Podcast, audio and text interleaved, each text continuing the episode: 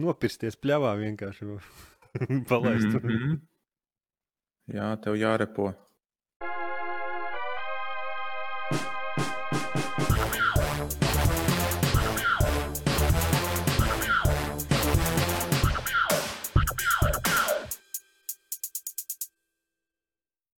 Sveicināti komunālajā UCLV podkāstā numur 104. Četri. Pitīt, matu. Es domāju, ka Nedaudz. būs vairāk. Vai šito var dzirdēt? Ah, nē, nē, nē. Te-. Tevi var. man tā, man mikrofonam vecā ebai kāja, nu tā desmit gadi ir. Čīkst mm -hmm. un pīkst un, nu, kurš, čotka, bet, nu, kā buržojam. Ne, neburžojam pieklājās. O. Man 8 eiro ķīniešu kāja arī ir ok. Bet, Kamēr uh, nu, tev uz galda liekamā tā, ja? Mikrofonam. Vai? Nē, nu man ir tas uh, ar atspērēm un viss. Un Nu, man tāda pati, jā. Tikai es, tikai es pirku no 25 lati. Tagad varētu būt lētāk. Es ņēmu lētāko Amazonē vai kur nu. Viņas visas vienādas ir tāpat. Šitas te viķka, šito dārgāk, vajag uzmet citu uzlīmi. no Nu, viena kantora. Tas tāpat, es nezinu, pirmais, kas man nāk prātā, ir, man ir ūdens filtra krūze. Jo mums te Dānijā beigas ciets ūdens un, un tā, un negaršīgs. Un Amazonē tu ka pērc filtrus, turpat ir rakstīts, ka viņš der gan Amazonas krūzei, gan kaut kādai tur brendotajai krūzei. Viņi ir identiski, bet pašas krūzes tur brendotā maksā divreiz vairāk. Bet gala rezultāts ir identisks. Es Spēcīgi. domāju, tas, tas pats ar šitām kājām ir. Nu, vai tu nopērci par 20 eiro vai par 6? Ir, ir tas pats. Ar Kā viņš tipa kaļķēns tas ūdens, vai kas, kas viņam ciets ir? Kas? Kaut kādi baigie, baigie nosēdumi tur paliek. Nu, nezinu, tu trīs reizes uzvāri ūdeni uh, kafijai vai tējai, un tev ūdens varāmā kanna ir visa apkaļķojusies. Un man vienkārši tas ūdens standartā negaršo.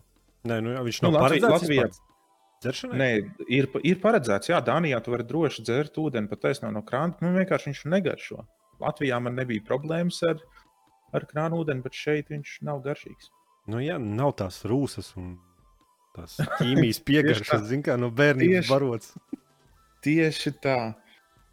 Te jau es esmu arī internetā lasījis, ka daudz cilvēku sūdzās, ka atbrauc no citām valstīm uz Dāniju, un viņiem tur, nezinu, matī sāk krist ārā, vai vēl nezinu, kas tur dibenāda pārāk cieta un sausa. Un Nav ikdienas chlora deva no krāna.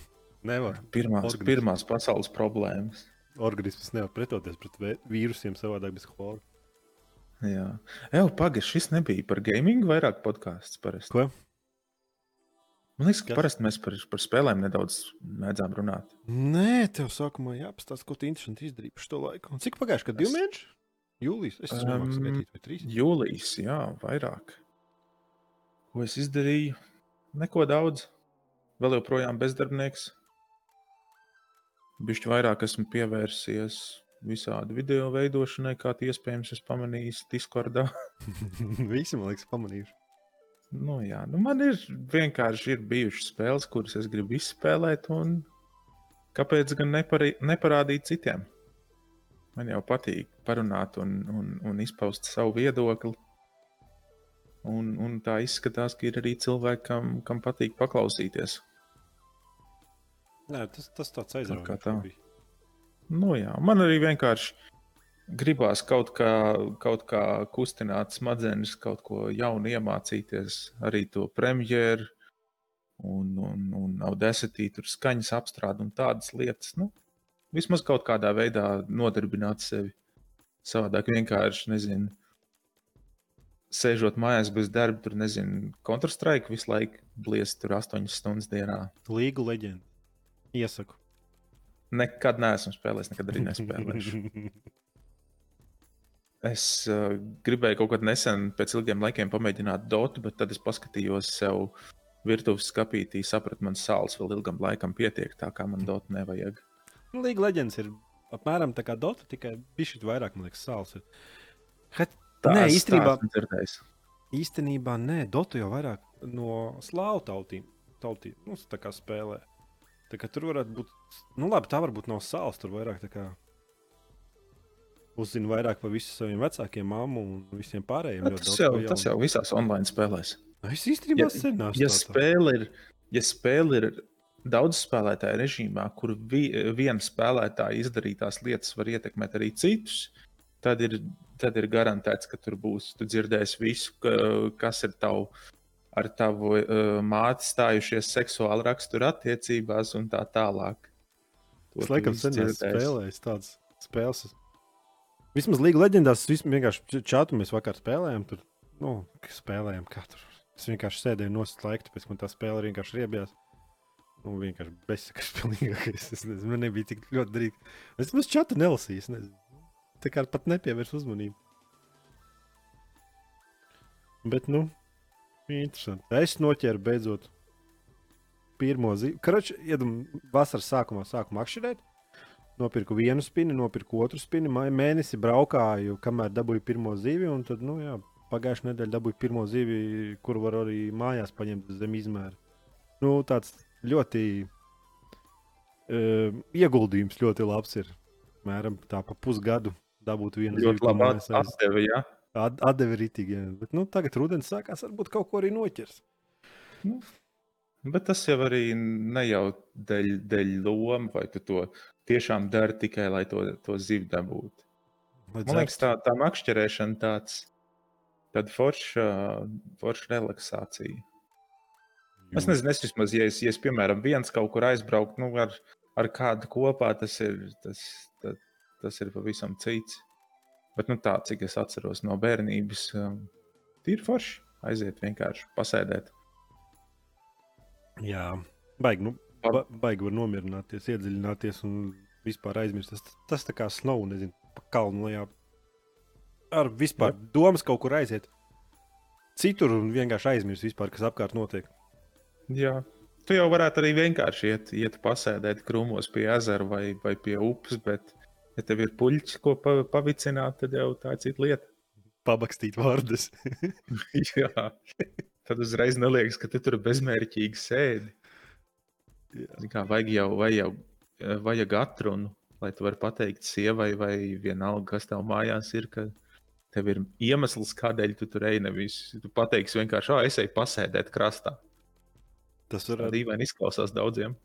jā, varētu nesaprast. Bet varbūt man ir hobijs pasēdēt krastā, pabakstīt vārdus ar koku. Nu, Tas jau veselīgi. Es nezinu par to varžu bakstīšanu, bet pasēdēt klusumā, mierā noder. Jā. Ko jaunu spēlēji? Par šito uh, laiku.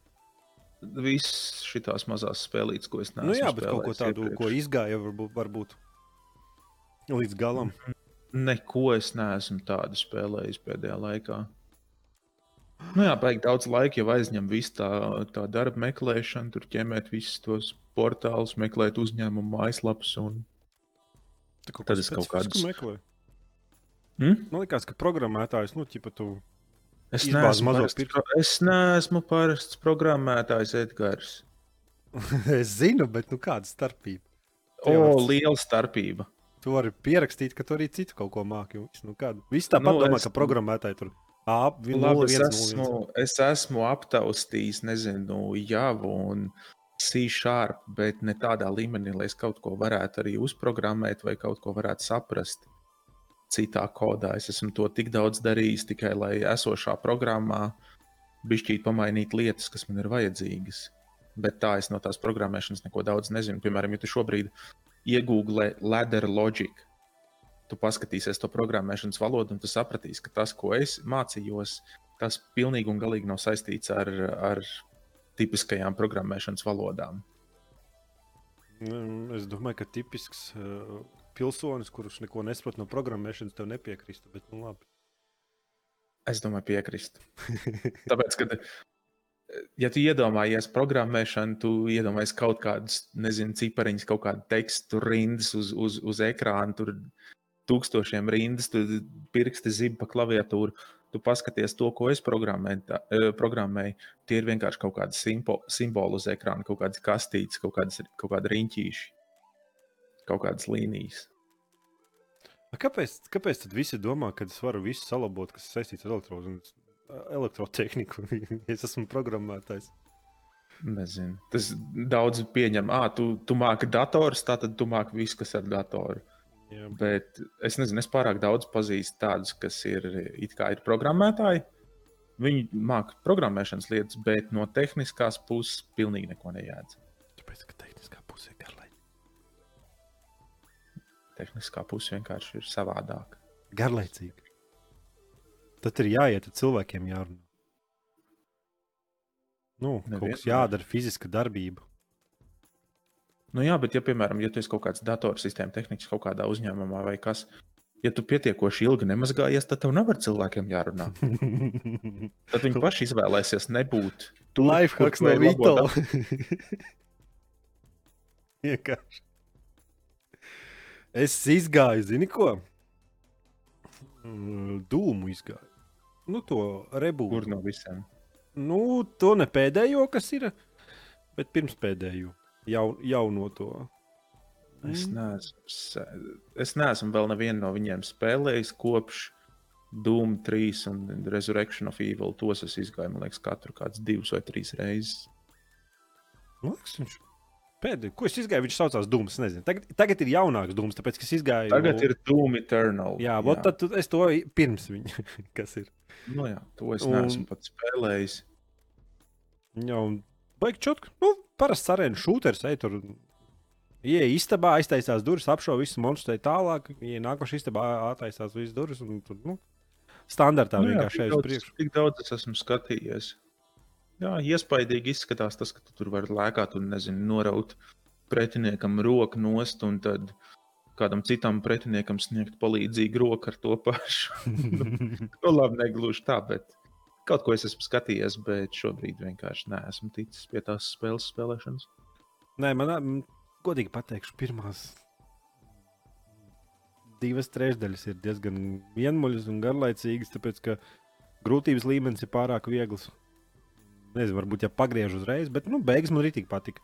Tā kā tev viss ieroči un nereāli grūti ir, tu bieži feilo tos monstrus nošaut. Kas ir tik neticami mūsdienu spēlēs, bet nu, tik un tā sanāk atrauties pa kaklu. jo Viņi vienkārši tev iesprosto tādā mazā kaut kādā vietā un vienkārši iemet tev kaudzi ar viņiem tev pa virsmu un vai tiec galā. Tā kā gaļas mašīna. Vislabākais man pārsteidza bosi. Parasti tādās šaušanas spēlēs tie bosi ir uh, helikopters.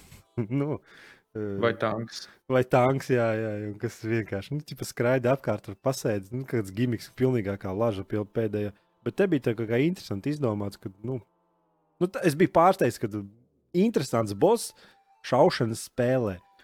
Kad, nu, ka kaut ko savādāk. Es nespoilošu, kā, kāpēc, bet nu, ka, ka, ka viņi vismaz pacentušies ir kaut ko bišķīt savādāk, un ka tev nav tupi tiešām jāatsēž aiz kastes un jāskrien pie tuvākā RPG, lai nu vienkārši nošautu viņu.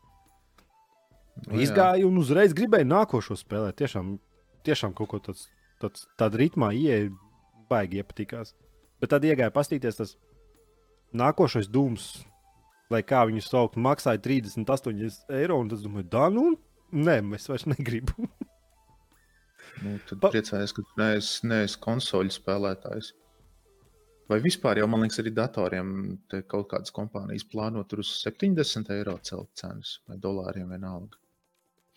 nu, es kaut kā pēdējā laikā baigi pastāstīju, divu gadu vēlāk uzspēlēt spēles. Tagad visi baigi izlaboti, visi DLC, un viss ir, viss ir iznācis. un Tad tu aizēji tur par pa 12 eiro nopērci to spēli un visu spēlē. Jo, nu, Nu, jā, tev nav, nav speciāli pirmajam jāizspēlē. Nu. Vismaz kamēr tu aktīvi nedarbojies datorspēļu, nezinu, žurnālistikā, netaisi jaunumus un video visu laiku. Bet tad, tad arī nav jēga. Tāpēc, ka kāda tev jēga taisīt, piemēram, Latvijā apskatu, ja tur ārzemnieks tur divas nedēļas iepriekš pirms tevim jau to spēli dabūjis. Un, nu, ķipa, nu, nu, ķipa, kāds prikls. Nu, uz to var skatīties arī no. no es, es saprotu, ko tu ar to domā, bet tāpat laikā es domāju, netrūkst arī tādu cilvēku, kas tomēr, jā, viņi zina, ka NTR ārzemnieki apskati ir pieejami, bet viņi tomēr grib paklausīties arī, ko kāds latviečs domā un vienkārši latviešu paklausīties. Nu, jā, va- varbūt tā ir man vienkārši sāpīgā tēma. Nu, ķipa, es, es gribu ar tādu lielu puiku. Zini, kā smilšs, kas te sēž, viss spēlēs, bet man nelaiž iekšā. Es tur no maliņas tur pa kociņu Bet tas jau arī tāpēc, ka, ja tā padomā, arī nu, šeit, piemēram, Dānijā dzīvojot, kā te var cilvēki atļauties spēles un, un datortehniku nopirkt, un cik ļoti var to atļauties tā vidusmēra cilvēks Latvijā. Mm. Mēs esam trietā podkāstā. Es to es pamanīju šobrīd. Bet, nu, labi. Jā, man te viens tīģeris staigā pa istabu un vienkārši Viņam meklēšanās laiks. Nē, man abi kaķi ir. eh, Viss tā, tā, tās mm -hmm. detaļas ir izņemtas, bet šim ir vienkārši. Viņš šobrīd, eh, šobrīd cenšas nomedīt gaisu, tā izskatās. Nu, jā. Nu, tās ir lietas, ko, ko nevar kontrolēt. Es taču nevaru kaķi ielikt vienkārši kastītē un teikt viņam, vai sēdi kastē. jā, runājot par dūmu. Um, ja var dabūt to lētām naudaiņām, mierīgi iesaku. Točnu. Nu. Ne, Es- es nekādā vienkārši gadījumā, skatos. protams, pat Es 30 vienkārši eiro skatos. uz ko uz kaķi. Nē, es skatos, man te jau desmitī, kur rakstās mikrofons, un es tikai dzirdu mēlu. Un tur tas, tas, um, tas grafiks, kurš rāda, cik ļoti skaņu ieraksta, tas parāda, ka ļoti labi var dzirdēt manu kaķi. Es Jā, atvainojos, es tu- pārtraucu par tavu dūmu. Nē, es, es tā jocīgi parasti. Nu, labi, kāds starpība. Tas jau es atkal gribēju mikrofonu tēmās iedziļināties. Nevajag, kad nomierinies. Jā, Kaut ko es vēl spēlēju. Tāpēc, ka trīs mēneši pagāja. Ah, es biju konsoli paņēmis un spēlēju Sekiro Shadow Die Twice. Tu jau šitos te visus uh, Dark Souls nespēlēji, vai ne? Nē.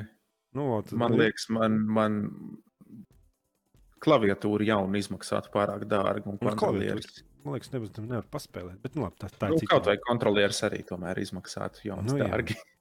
nu, kārtējā jaunākā spēle, un šī bija uh, visgrūtākā no visām. Viennozīmīgi. Un pis viņi vienkārši. Kroķis, neizteikšos. Vienkārši debila spēle. Vienkārši debila. spēle. Es neko citu nevaru pateikt. Kāda vienkārši debila spēle. Nekad mūžā nevienam neiesaku. Vienkārši debila spēle. Vienkārši. Es vienkārši kā tagad atceros, vienkārši debila spēle. Es teicu, ka tā spēle ir debila.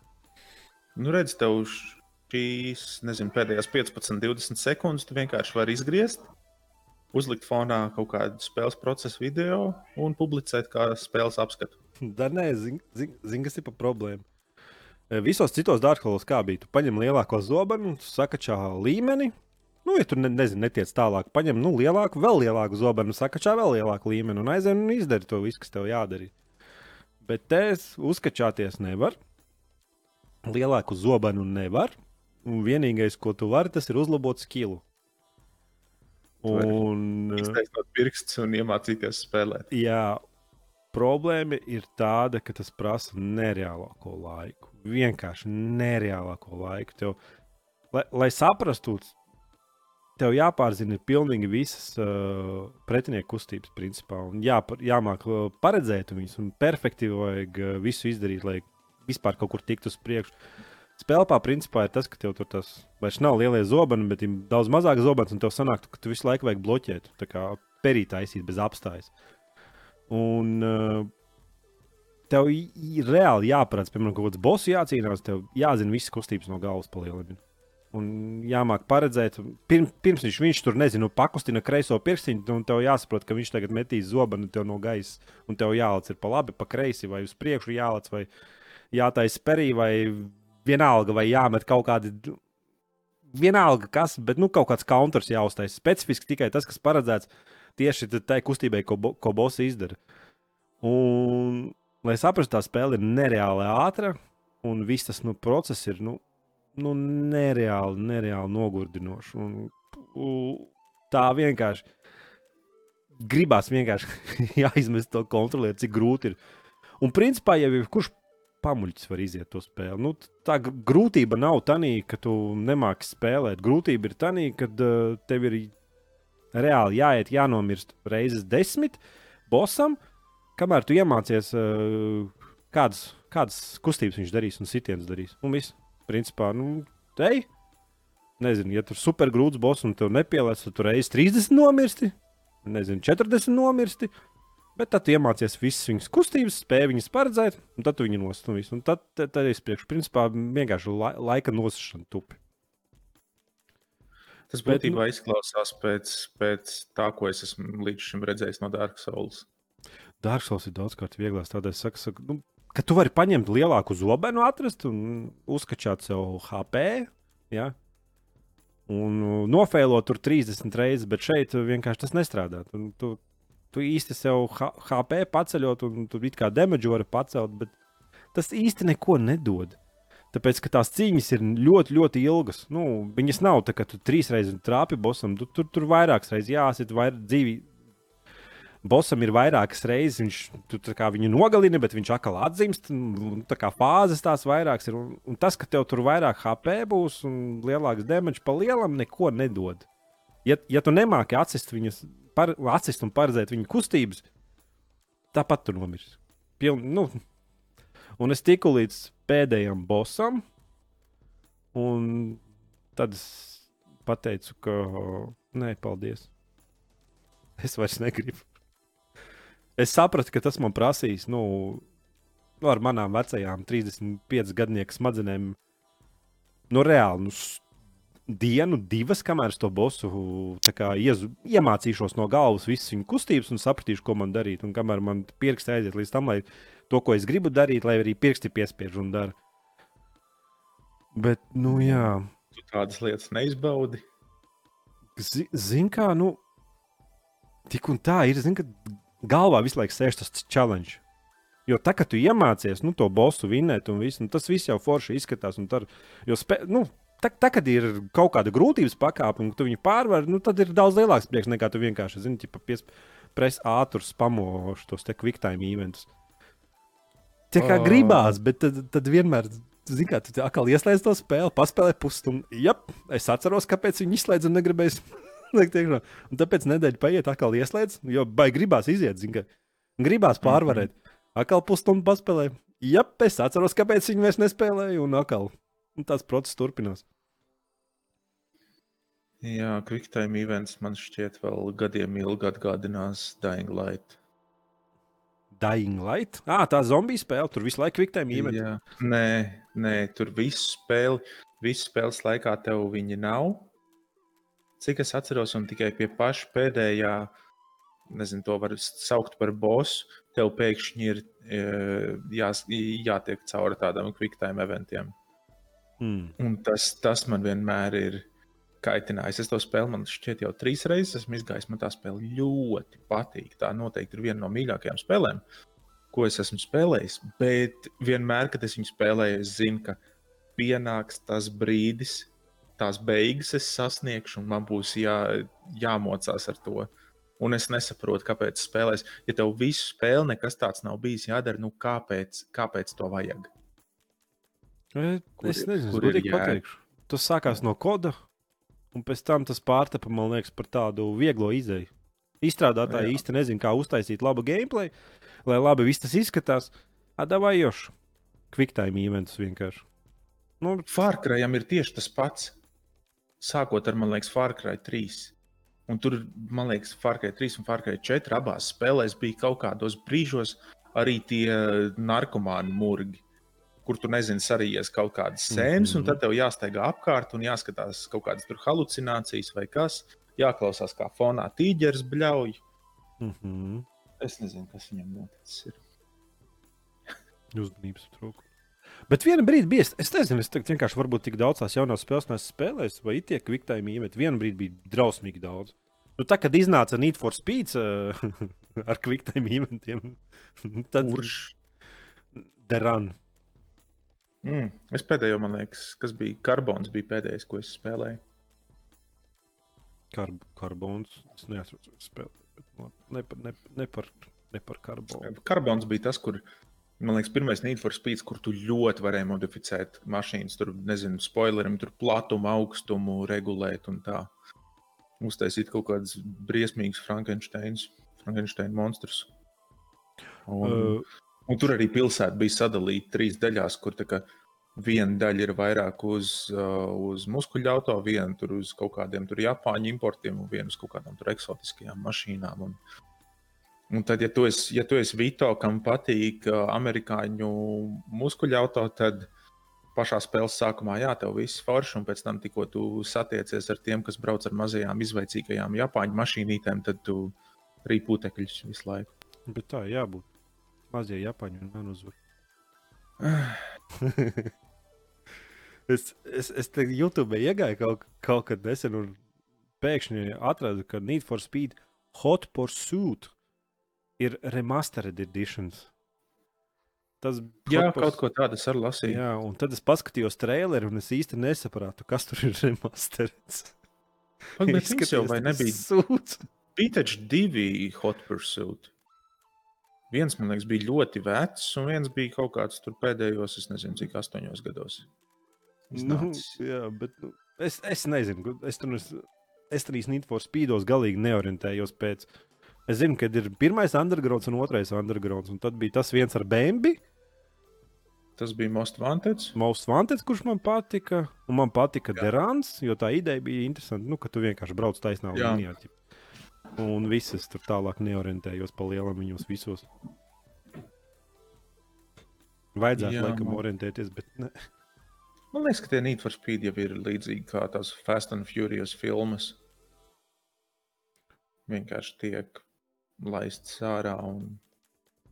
Jā, Nu jā, viņi tur vienā brīdī sāk koncentrēties uz tām online, online only featurām. Tur, tad tur, ķipa, tur tās grupas un kas tur kaut kādi klani jātaisa. kas- Es vienkārši gribu skatīties cheesy video un braukt ar savu civiku ar milzīgu spoileriem un klausīties normālu foršu mūziku. Visu, ko es gribu no Need for Speed. Bet nē, viņiem tur jāieliek tur grupas kaut kādas, tur klani, punkti, XP, un tad tur, tur bildes jātaisa. Un kaut kāda tev Jā, sociālā. Korč, redz, ar tām online lietām viņi var līdz ar to tev vairāk lietas censties pārdot. Lai tu vari savu virtuālo krānu vai, tu esi atvainojis, virtuālo spoileru pagarināt. es, es, es to jēgu. Bet, nu, ko nu, ko divi veci veči, ko var saprast par šitām, par šitām mūsdienu jaunajām tehnoloģijām? Vienkārši. Jā, mēs no pagājušā gadsimta vispār. Vispār jau tehniski sanāk, jā. Es kaut ko vēl izgāju, bet es vairs neatceros. Varbūt arī Es domāju, ka neizgāju. izgāju trešo mafiju atkal. Jā, viens Es nezinu, tu kad esmu pēdējo reizi esmu spēlējis. Tad paskatīšos. Pēdējo reizi spēlēts, jā, 22. jūlijas. Tad tas sanāk pēc, pēc iepriekšējā podkāsta. Izgāju līdz galam. Jā, Cik garlaicīgi? nu, es tur eh, kaut kādas DLC neizgāju, bet man tā spēle patīk. Man, man ļoti patīk tas stāsts. Tas, tas ir ļoti labi izveidots un tā tālāk. Es zinu, tur daudz tur nīd par to, ka oh, tur, nezinu, nu, melnādainais tur mafijas spēlē, vai fuck, kas tas tāds ir. Bet, nu jā, ir cilvēki, kas vispār neko nav interesējušies par mafiju un domā, ka tas ir vienkārši o, tikai itāļi un tā tālāk. Un tā joprojām neviens cits nevar būt ar mafiju saistīts. Jā, Man vairāk nepatīk tas, ka tur vientuļas misijas ir. Viens un tas nu, jā pats. tās misijas, tās misijas, jā. Tās tur, bet es nezinu, es, es baigi ātri par to atrofējos un daudz vienkārši autopilotā izgāju. Un, un Es neatceros, kā tur var tā, ka pusi misijas var izlaist, jo tur, nu, tur man liekas, kaut kādas teritorijas bija jāieņem, vai kas tur bija jādara. Tur jā, bija ja tu katrā, tur tev bija tā kā starp katru bosu, lai tiktu pie nākošā bosa, tev bija pietiekoši daudz kā, naudas vērtībā bojājumu viņam jāizdara. Un to var izdarīt arī neizpildot visas tās mazās misijas. Nu tā, ja tu vienā tur, tur jāiziet, tev ir pieejami divi punkti kartē, kur tev abos ir jāiziet kaut ko iznīcināt. Ja tu vienā pietiekoši daudz to naudu savāc un, un nodedzini viņam pietiekoši daudz piederošos īpašumus, jā, tad tu uz otru vari nemaz neiet. Bet, nu jā, baigi atkārtojās tur tās lietas. Nu, jā, man liekas, ka tu vienu bosu pievērs, un tad ķipa, viss tas pats tikai ar citu bosu. Un, un ar citu to tur, laikam, tas misija devējs ir viena cita persona, un boss ir cits. Ne kaut kā tur nebija tā. Nu, jā, tur bija tā, ka bez, bez tā galvenā varoņa vēl ir tie trīs pārējie, kam tu tur tās pilsētas daļas var dot. Mm. Es visus, protams, atdevu vienam, bet. Nu, Nu, jā, un tad, beigas ja, ja, tu, ja tu vienam atdod visu laiku visas tos teritorijas, tad tie pārējie tur sāk raudāt, ka viņiem tur dzīve grūta un viņi tik smagi strādā, un tu viņi, viņus nenovērtē, un beigās tu viņus aizēj nošauj. Tieši tā. Nav ko te. Nu, jā. Bet stāsts man, stāsts man liekas ļoti, ļoti labs tajā spēlē. Un, jā, Es, es nevarēju. Es atceros, tik vienmuļīgi un garlaicīgi bija. Man, man citreiz pat, zinu, kā es vienkārši mājās sēžu, man pilnīgākais bezskars nav ko darīt. Man kā krasti tieši tādas spēles vajag. Nu, vienkārši tipa vienmuļi. Lietas laikā sēdi, darīt tāpat nav ko. Kafiju dzertēju un vienmuļi daudz trīs pogas uz rīņķa. Un Nu iedziļinies tajā spēles pasaulē. tā Kā, nu, tie ir normāli tā. Nu, reāli pat neatceries, ko tu darīji, bet nu, laiks paiet un viss forši ir. man tāda spēle ir Forza Horizon 4. Es... To es nevaru iziet. To, to nevar iziet, jo tur visu laiku kaut kas jauns ir, kaut kas mainās. Nē, For, Forza Horizon baigi foršā spēle. ir. Nu, grafiski viss, viss. Bet uh, tā kā es tāds biju šī audio entuziasts, tad, tad man vienmēr ir problēma tāda, ka tā vadība nav īsti. Nu, viņi tomēr ir ārkārtīgi. Cik es, cik es esmu skatījies internetā, kaut kādas video, YouTube, ir jau cilvēki, kas ar stūrīti spēlē, un, un tīri labi ir viņi, viņu saregulējuši. Es kaut kad mēģināju, es, eh, es starp citu, es pirms apmēram nedēļas vai divām pārdevu savu stūri. Jo es, es tā arī nevarēju dabūt Hashtag tā, kā man patiktu. Hmm? Es saku, hashtag bezdarbnieks. Šis uz Lombardu. es vienkārši sapratu, ka man viņa jau, es nezinu, cik ilgi krāja putekļus, jo es senāk ļoti ilgi spēlēju Aseto Corsa. Bet tas man vienkārši ar laiku apnika, un, un es sapratu, ka savādāk man tā stūra vienkārši stāv uz skapja un krāja putekļus. Vienkārši labāk, lai kāds cits paņem un, un spēlē un izmanto viņu. Nevis vienkārši te stāv un Jā, bet tā ir investīcija. Logi taču izdeva taču jaunās tās stūres, kas neko neatšķirās gandrīz no vecajām. Vienīgi cena ir divreiz lielāka. Es nezinu, nu man bija kaut kādas salīdzinoši jaunas. Nezinu. Nu, es vienkārši, labi, šo es pārdevu. Nu, nākotnē, ja man ļoti gribēsies, nu, tad es visticamāk likšu kopā arī normālu sēdekli un tādas lietas. Un tad jau gan jau es neņemšu kaut kādu logiteču, es ņemšu kaut kādu niknāku, nopietnāku. Jā, es arī gribu, bet baigi dārgi. Nereāli dārgi. Nu, jā, nu, Pie Tad tam redzēsim. tie vadi, ja man tiešām tā, ka nav, nav naudas, kur likt, un arī jā, par tiem vadiem, nu arī tas būs tikai tad, ja man būs iespēja tā, ka es varu istabas vienu stūri atvēlēt uh, tam, ka tur tas krē, krēsls ar visu stūri, visu var, var stāvēt. Un lai tad, kad es gribu spēlēt, es vienkārši pieslēdzu pie datora un Mm, aiziet, lai man nav katru reizi tur jāvelk tie vadi. tas Jo stūris. citreiz arī liekas, o, es gribu tagad pabraukt. Ok, es izņemu visu to Logitech stūrīti, pedāļus, ātrumu pārslēgu no, no tās kastes, kamēr saslēdzu. Vairs negribu. Vār, vārtos zem, zem, zem galda, pēc tam, kad ir saslēgts, tad ir tāds. Um, es nemaz negribu spēlēt vairs. Vai tas bija to vērts? nu, jā, bet, bet jā, to pašu forzu. To forzu es pastiepjos, tāpēc kontrolieri ieslēdz kontrolieru, bum, man ir pilnīgi viss, ko man vajag. Un forza man patīk tādā ziņā, ka man šķiet, viņi ir ļoti, um, es nezinu, vai varētu saukt par elastīgu, bet tā, ka viņi var pielāgot, viņi var izbaudīt vienalga, vai tu esi pilnīgs nūģis un tu nevienā spēlē braukt nemāki, vai arī tu esi nu, tāds džeks ar lielu bārdu un pieredzi braukšanas spēlēs, un tu vari to spēli pieregulēt sev.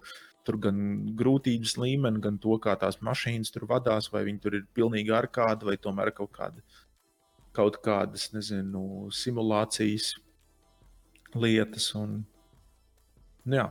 un arī tas grūtības līmenis, man liekas, forši, ka tur var pieregulēt. Tiešām, vai nu, ja tu esi pilnīgi, pilnīgi bremzēts, vai arī tev ir kaut kāda supermena refleks, tu vari pielāgot to spēli savām, Jā. savam līmenim.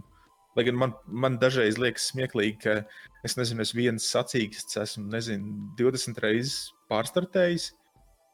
Un beigās es ar mokām to tās sacīkstus izbraucu un spēle pasaka, hmm, izskatās, ka tu ļoti viegli uzvari sacīkstus, vai tu negribi palielināt grūtības līmeni. Nē, nu tas tā iesmērīt.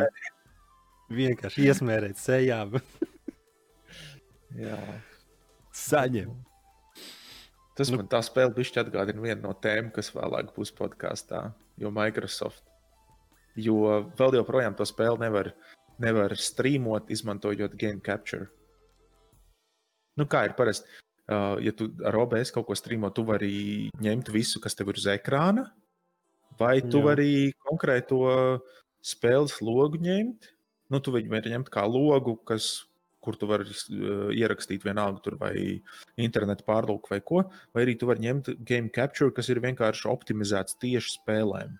Uh -huh. Un, ja tu to gribi izmantot ar Forza Horizon 4, tev spēle nevērsies vaļā. Viņi visu laiku krāšos bez nekāda kļūdu paziņojuma. Nekas. Stulbākais ir tas, ka, kad bija demo versija tai spēlei, to varēja streamot, izmantojot to game capture, bet uh, pilno spēles versiju nevar. Un man tas vienkārši man nepatīk uh, streamot vai ierakstīt uh, visu ekrānu. Tāpēc, ka, zināmā mērā, nu, var parādīties uz ekrāna tādas lietas, ko tu, ne, ko tu nevēlies citiem rādīt. Tu nevēlies dalīties ar savu slepeno, slepenajiem krājumiem. Jā. Vienkārši sievietes meklē, Jā, jā, jā. Manā, manā, manā miestā vientuļas sievietes vēlas ar mani iepazīties. Jā. jā. Lielā daudzumā. Nu, jā. Nu, ko jūs tā visādi citādi man tā spēle ļoti patīk. Nē, man Jā. arī patīk. Labi, visi, iesim pie tēmām vai vēl kaut ko. Jā, neko citu neesam izgājuši. Es neesmu izgājis. Es spēlēju tikai tādas spēles, ko nevar iziet, vai arī tās mazās, ko es spēlēju, tad, lai uztaisītu video. un Tās, es, jā, daudzas no tām es tiešām ne, negribu. Man viens no, viens no par, par pirmo video, ko es taisīju par tām spēlēm, ko es neesmu spēlējis, viens cilvēks tur teica, ka, oh, tādas daudzas no tām, sevišķi indijas spēlēm, tur vajag vismaz pusstundu spēlēt, lai tu saprastu to spēli, lai tu izjustu viņu un tā tālāk. Pirmajā mirklī gribējās teikt, vai tas cilvēks, ko viņš pīpē, jo ir tādas spēles, kuras nu, pusstundu, ja tu izspēlēsi, tu bez mazliet vari sākt ienīst gaming kā tādu. Nu, tā, ka, nu, es, es tiešām nesaprotu, nu, ja pirmajās pāris minūtēs spēle jau man nokaitina, vai viņa ir tik pretīga, ja tur viss tur nezinu, skaņa vai vadība vai kas ir tāds, ka man, man, man gribās vienkārši aiziet, uh, nezinu, izmest datoru ārā pa logu un nekad vairs nespēlēt, tad es nesaprotu, kāpēc būtu jās, jāspiež sevi spēlēt tur, nezinu, pusstundu cerībā, ka tu sapratīsi spēles dziļo jēgu. Jēga ir tāda, ka viens vienkārši asaķu sakačāja. Bezmaksas un sāka kopā. Un... Nē, ir tāds. Nu, te pirmajā, pirmajā video viena no spēlēm, ko es spēlēju, bija, bija tāda, kas likās, ka tas ir vienkārši kāda cilvēka, nezinu, pirmā spēle, ko viņš ir, ir mēģinājis uztaisīt. Paņēmis kaut kādu, nezinu, tiek. nu, daudzas jau tiek. Nu, tagad viņi kaut ko pirms gada apmēram, vai kad pamainīja, ka tev tur baig, baigā nauda jāsamaksā stīmam, lai tu varētu savu spēli tur dabūt. Jo sanāk jau, jā, man liekas, kurš katrs jank no, no, no mazākā miesta varēja jeb, jeb kādu spēli ielikt stīmā un tad, tad baigo pīķi cerēt pelnīt. Bet, nu, jā, Mm. tur tā spēle likās, ka vienkārši kāds ir paņēmis Unreal Engine, paņēmis kaut kādas bezmaksas tur asets, kaut kādus modeļus, salicis visu kopā un ielicis stīmā un tagad cer nopelnīt. Nu, tā, es nezinu, man būtu būt kauns. Es justos ļoti pretīgi, ja es censtos no cilvēkiem prasīt naudu par kaut ko tādu. Pārāk. Jā. Pārāk. Un tādas spēles labs netrūkst. sevī. Jā, uz, uzskatu tādu. Citiem jau pajāk. Es vienkārši Jā. brīnos, kā tādas spēles stīmā tiek. Nu, tur reāli viņi ieslēdz, un tu, tu saproti, nu, ka, nu, te ir nu, reāli nedēļa viens sēdējis, degunu urbinājis, un ik pa brīdim kaut ko tur ar pelīti pavilcis un uztaisījis Daž, spēli. dažām spēlēm, man liekas, ar nedēļu jau tas ir dāsni.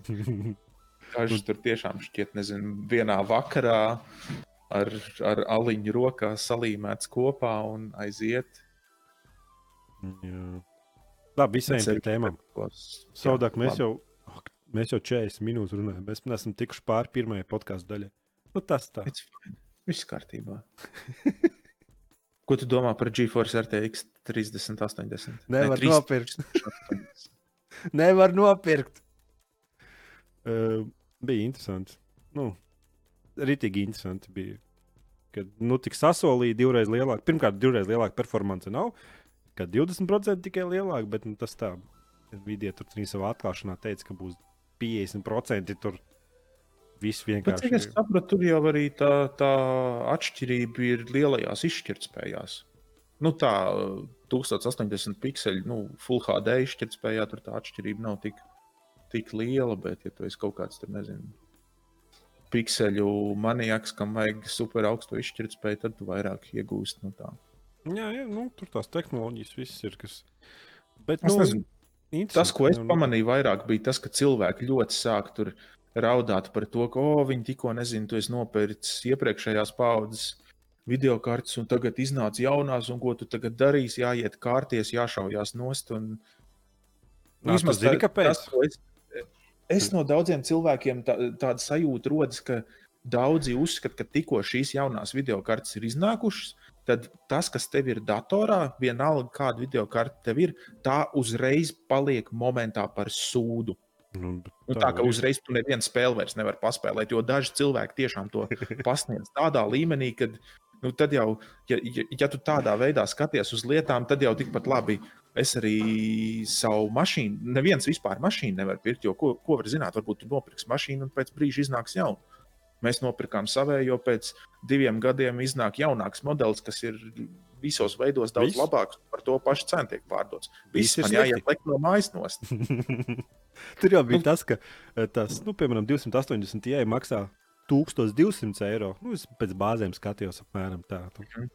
Un tad eh, RTX 3 1080, kas ir nu, 20-50% atkarības no kā Nvidia to pasniedz, eh, ir ātrāka, bet maksā divreiz arī lētāk. Tas nozīmē, ka tu varēji nopirkt nu, 280 eiro štuku 200, un pēc nedēļas uzzināt, kad uh, Nvidia izdos uz pusi lētāku un ātrāku karti. Nu, tas tāds bija šķiet.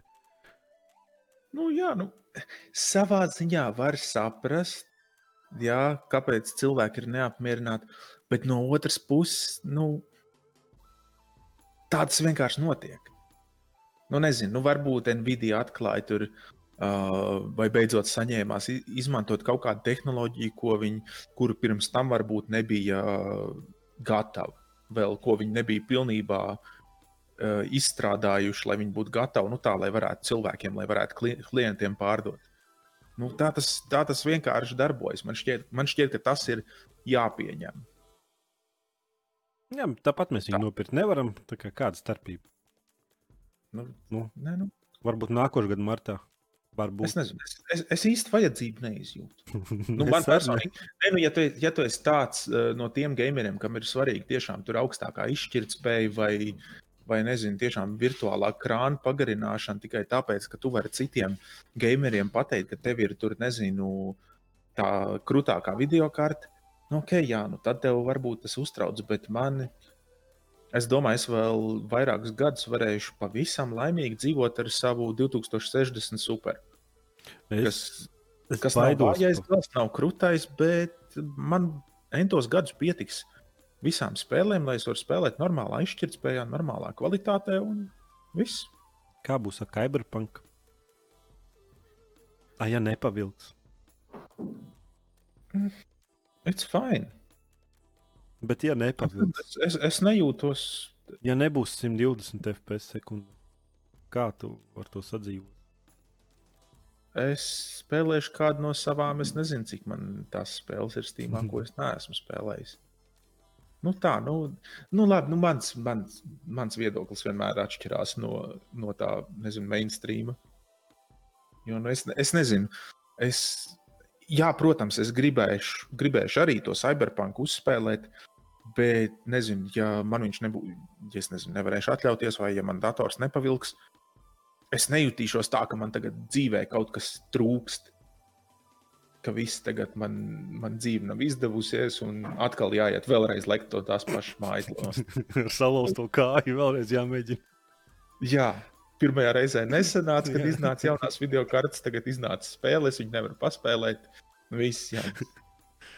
Jā. Man, man vairāk tās tehnoloģijas, vairāk aiz, ja patīkās tieši, ko viņi tur parādīs. eh, Tas pirmais ir Nvidia Voice, tas, kas novāc. Um, kaķus nenovāc, man liekas. Nē, es ne, ne, var īstenībā vajadzētu pamēģināt fonā kaķus vai novāc vai nenovāc. Bet nu, visādi, visādas skaņas, kas automātiski to novāc. ar art, ar artificial intelligence. To es vakar iztestēju, spēlējot Līgu leģendas. Tā lieta čotku strādā, jo parasti man uz pēc divām stundām spēlējot konkrēti tiem pašiem cilvēkiem. Man viss uz nerviem krita, tāpēc ka viņiem mikrofona, viss klaviatūras, pirdieni un viss krēsla pakustās vienam fonā vēl televizors skan un viss tas. Un tas tā vienkārši pēc pāris stundām vienkārši tā uzvelk. Es nezinu, kāpēc man citiem tas netraucē. Bet nu, to Nvidia ar tieks voice ieslēdz, viņi visi vienkārši to noņem nost.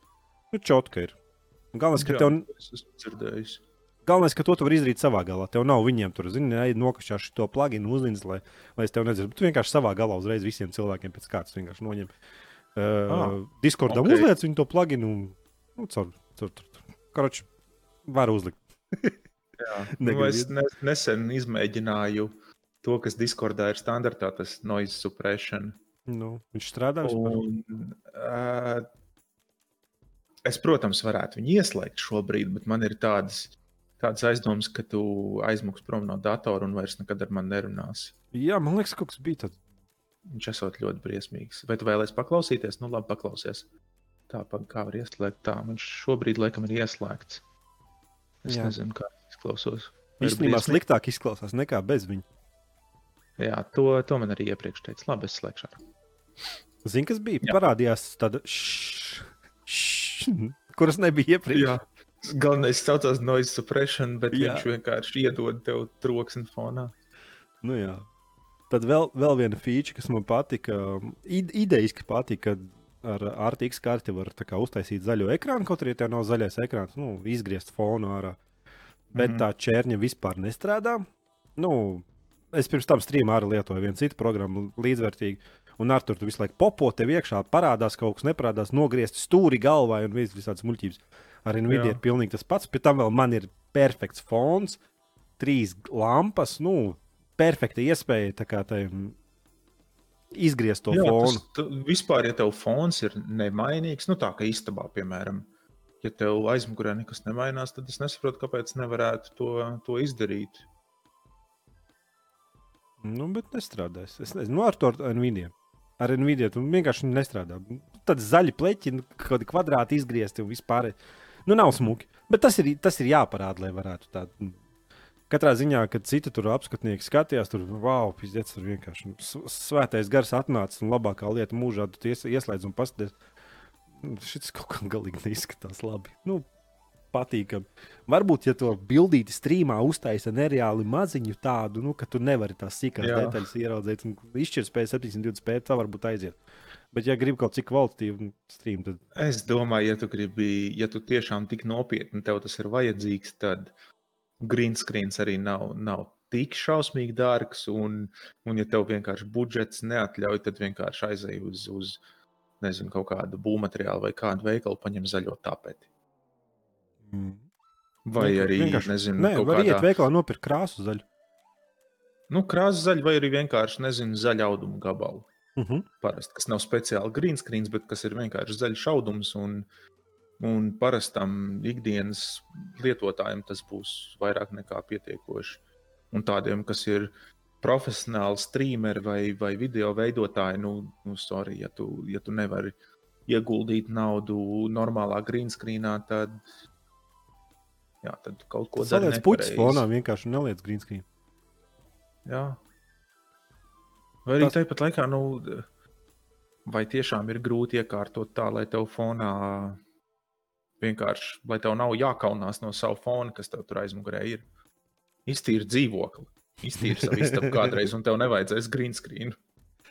E- Nu, tā ir, ir redzēts streameri, kas, kas cenšas, nu, kas ir nesen sākuši streamot, un, un viņi grib ļoti nopietni to darīt. Un tad tu paskaties, viņam, viņiem ir tur sejas kamera uzlikt, un tu fonā redz kaut kādas, nezinu, lupats mētājās uz zemes. Nu, sorry. Nu. Tas ir, zini, kas ir. Tas ir psiholoģiski speciāli izveidots, lai skatītāji atrastu kopēju saiti. Ot Viņam bardaks ir istabā, man arī bardaks ir istabā. Mēs esam tagad divi, nu, tā kā tuvāk satuvināties. Saprot? Uz mani tas nedarbojas. Man, man, man drēbes nemētājas uz zemes. Man mēdz būt. Ziniet, kā daudziem ir drēbju krēsls. Man ar tāds ir. Krēsls, uz kur ir. Man tāds nav, tāpēc, ka man nav. Manai man ir viens, viens liekas krēsls, bet tas netiek, tas netiek izmantots drēbēm. Man ir mans gaming krēsls noklāts ar drēbēm, tāpēc, ka es viņā nesēžu. jā. Nu, vēl nu, tās tehnoloģijas tādas. Tāds foršs vēl vislabāk man patika DLSS. Pirmais tas ir, labi, es pateikšu, kas ir DLSS. Ja es vispār pasaku, pateicu pareizi, kā viņi saucās. Principā apskēles spēles laikā. Tu spēlē uz 720p, un tad pēkšņi uz tava monitora parādās Full HD izšķirtspēja, un viss tas notiek caur video karti. Kā, nu, parasti apskats, kas būs mūsdienās, modernajās, visās Playstation, 5, Xbox, kā jaunajā, būs līdz 4K. Protams, ka tās konsoles nevienas nepavilks, bet ar apskēlu mierīgi pavilks. Un, ja iepriekšējais DLSS tad, uh, bija Nvidia, bija vienkārši nu, nelietojams drāņķis. Tad jaunākais, ko es te pats teicu, DLSS 2, uh, ir uh, čotka. Godīgi pateikšu. Hmm. Vienkārši čotka. Nu, var redzēt, ka tur arti, ir artefakti. Nu, tomēr tas ir apskēls. Jebkurā gadījumā tas ir apskēls. Bet, nu, nu, jā, nu, tu nevari no, no bildes izvilkt kaut ko, kas tur nav. Jā, nu, tā ir tā padoma. Bet tā apskēls čotka strādā. Vis, vispār, nu, ja tev, piemēram, video kartē īsti vairs nepavalk spēles, nu, ar laiku, kas tagad, nezinu, tāpat 2060, tā vienalga, un uh, mierīgi ieslēdz DLSS un turpina spēlēt tālāk. Jā, būs bijis sliktāk, foršāk ir, protams, natīva rezolūcija, nu, tā kā īstā rezolūcija, bet tā, lai pateikt, nē, šis ir nespēlējams, slēdz ārā, es nekad mūžā to vispār nevaru teikt. Nu, jā. Čo, čo, čotka, tā, tas, tā, man liekas, būs nākotnē visiem tiem 4 un 4K, 8K monitoriem, kad uh, vienkārši video kartes ar apskēlos līdz tam, līdz tam izmēram. Nu, bet mūsdienās jau daudz lietas, televizorā paši sevi apskēlo un godīgi neko dara, lai kaut kādus papildus kadrus liek iekšā. Nezinu, tur spēles, video ir 30 kadri iekšā, televizors pa vidu vēl iemet vēl 60 vai cik tur līdz 120 kadriem, lai tā bilde izstāsta plūstošāk. Tā kā nu, viss laikam lēni gar uz to tiecās. Galvenais, lai tev ir acu apmāns, lai tev šķiet, ka tu spēlē tajā izšķirtspējā vai tajā ar to katru skaitu. Jā. Bet atceries, kādreiz, kādreiz šis konsolis te bļāva, kad cilvēki neredz vairāk par 30 kadriem sekundē. Jā. nu, es nezinu. Vienalga, vai tu, re, vai tu redzi vai nē, tu, tomēr atšķirība ir jūtama. Vismaz mm. kaut kādos šūteros, noteikti braukšanas spēlēs, lai gan arī es, man liekas, to forzu. Kaut kad uz portatīvā es spēlēju gan 60, gan 30, un tur to atšķirību ļoti varēja just. Protams, ka var. Tagad vispār ir 360, cik tie megahertz, tie megahertz, ne, vai kas tie herci uh, monitori nāk ārā, tā kā viss tikai uz priekšu. Vienīgi tas, ka, nu, uh, divas spēles, laikam, konstruēts un kaut kādas līga leģendas. Kāda jēga no tā vispār kaut kāda? jā, nu, nezinu, kaut kāda 120 vai cik hertz, tas vēl ok, jā. Cool.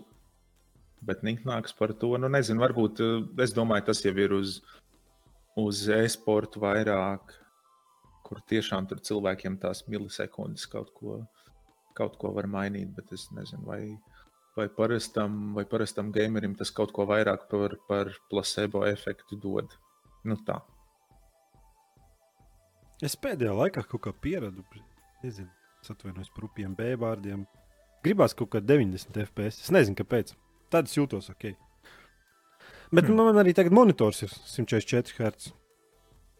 Nu, jā, es, es domāju, ja es, ja, es, ja es tiktu pie ātrāka monitora un pamēģinātu, protams, es varbūt negribētu atpakaļ vairs atgriezties pie 60, bet šobrīd, tā kā man ir tie 60 Hz, nejūtos slikti. Jo, kā iet pāri sotokam, tā es nejūtu atšķirību. Tur 144 vai 90, 100. Nu, reāli Jā. es nejūtu atšķirību.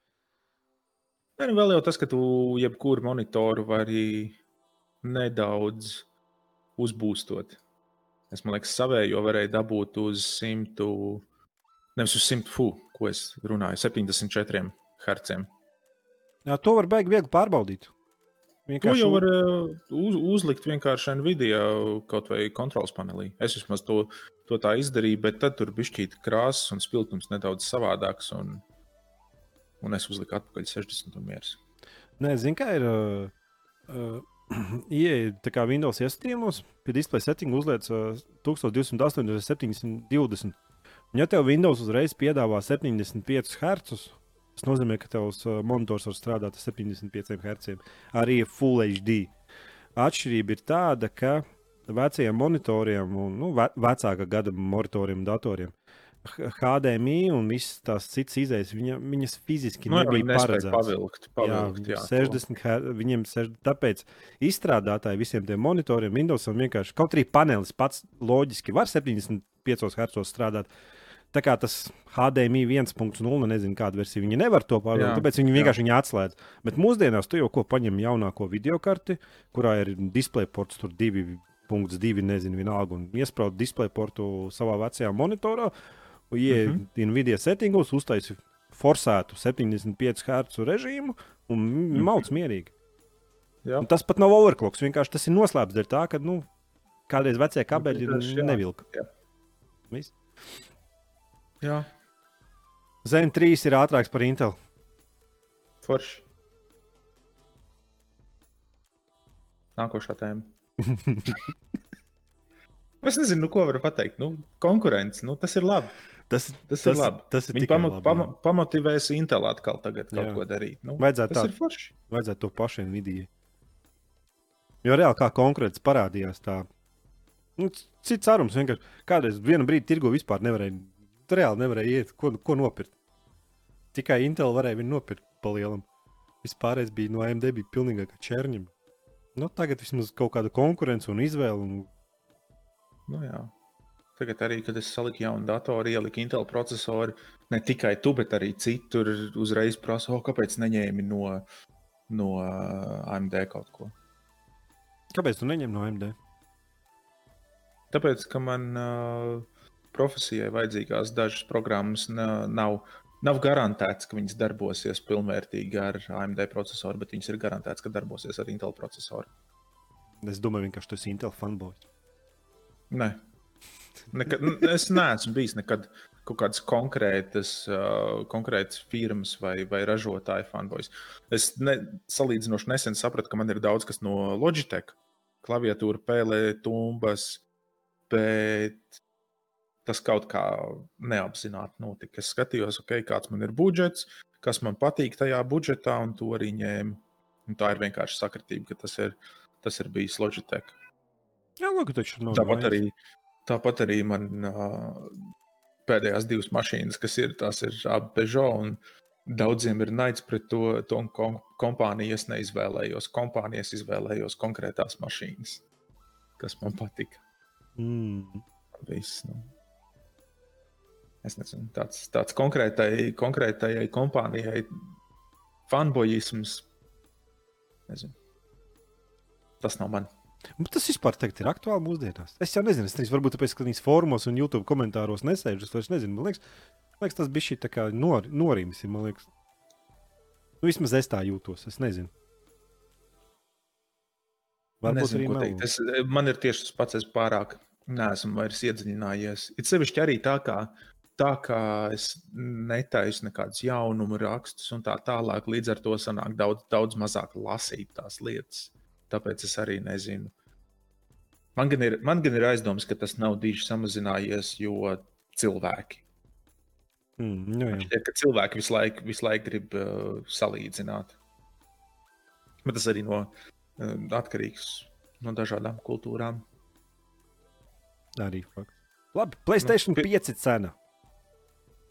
Mazais bez diska 400 eiro, ar dizinu 500 eiro. Latvijā uzreiz pielieciet vismaz 100 eiro klāt. Nu tā, Tev Varbūt padzerties, tev zūd balss. jā. Bet uh, alkoholisms nav laba lieta. Tā esmu dzirdējis. Jā, nu, cik ļoti tu pirksi Playstation 5? Ne cik. Pēdējā konsole, kas man bija, bija uh, Žilitons.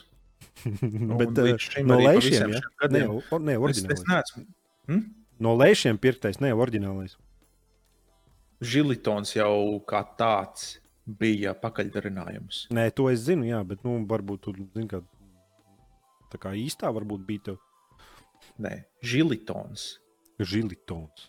Žilitons savā būtībā ir pakaļdarinājums. Nē, to es saprotu, bet vai tad kā tas sauc to, kas tā...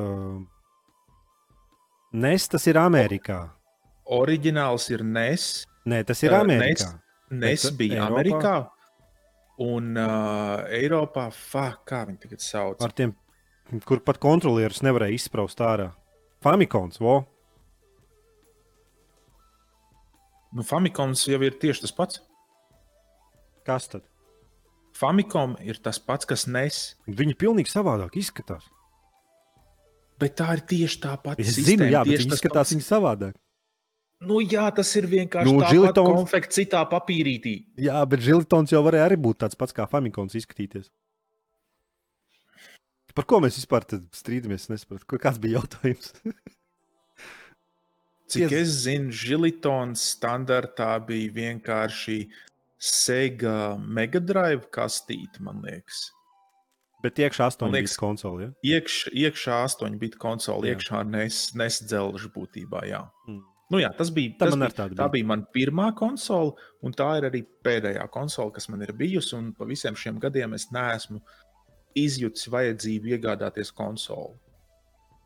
Nu, tā i- ir cilvēki, kam tur nezinu, o, tur ir kaut kāda konkrēta ekskluzīvā spēle, uz konsoles tikai pieejama, nav uz datora pieejama. Es nezinu, dēļ vienas spēles izgrūst tādu naudu par konsoli. Mm, Manus, manus Mm. Sony konsolēm ir vienkārši kaudze. Es tikai Nu, redz, nu, nopirku. tas, arī, tas arī kā kuram. Nu, man, man netrūkst spēles uz datora, ko spēlēt. Es tiešām neizjūtu vajadzību pēc konsoles. Un, ja es gribu spēlēt kaut ko atlaižoties divānā, man tepat ir televizors, pie kura arī var pieslēgt datoru. Ko eh, dažreiz šķiet, ka daži cilvēki nemaz nezina, ka tāda opcija pastāv. Un ka daudzas spēles tu vari pavisam mūsdienās pavisam viegli spēlēt uh, no datora, Jā, skatoties televizorā ar Tas kontrolieri. galīgi balss aizgājusi ciet, ne? Tā ir, kad dzer trīs Būs dienas. Nē, dzirdēt. Man gan uz, uz plēša 4. bet, kad es nopirku, tu paņēmu to Playstation pasu, un tad daudz ekskluzīvās spēles, kas, nu, nu, kas man tiešām pat. Bet tas ir tāpēc, ka uz Sony ir daudz tās vienspēlētāja režīma spēles, nu, kas man patika. Galīgi nenožēloju. Par piekto es vēl nezinu, tāpēc, ka tur spēles nav apstiprinātas. Un vispār tagad pēdējā laikā arī Sony spēles neskapēc sāk parādīties uz, uh, nu, ne Sony spēles, bet ekskluzīvās Sony spēles pēkšņi sāk parādīties arī uz uh, datora kas ir diezgan jocīgi, un tad tu īsti nesaproti, pēc kam nākotnē tas viss būs vajadzīgs. Bet, nu, labi, redzēs, padzīvos. Pagaidām Jā. tikai viena spēle. Last of Us 2 es neesmu spēlējis.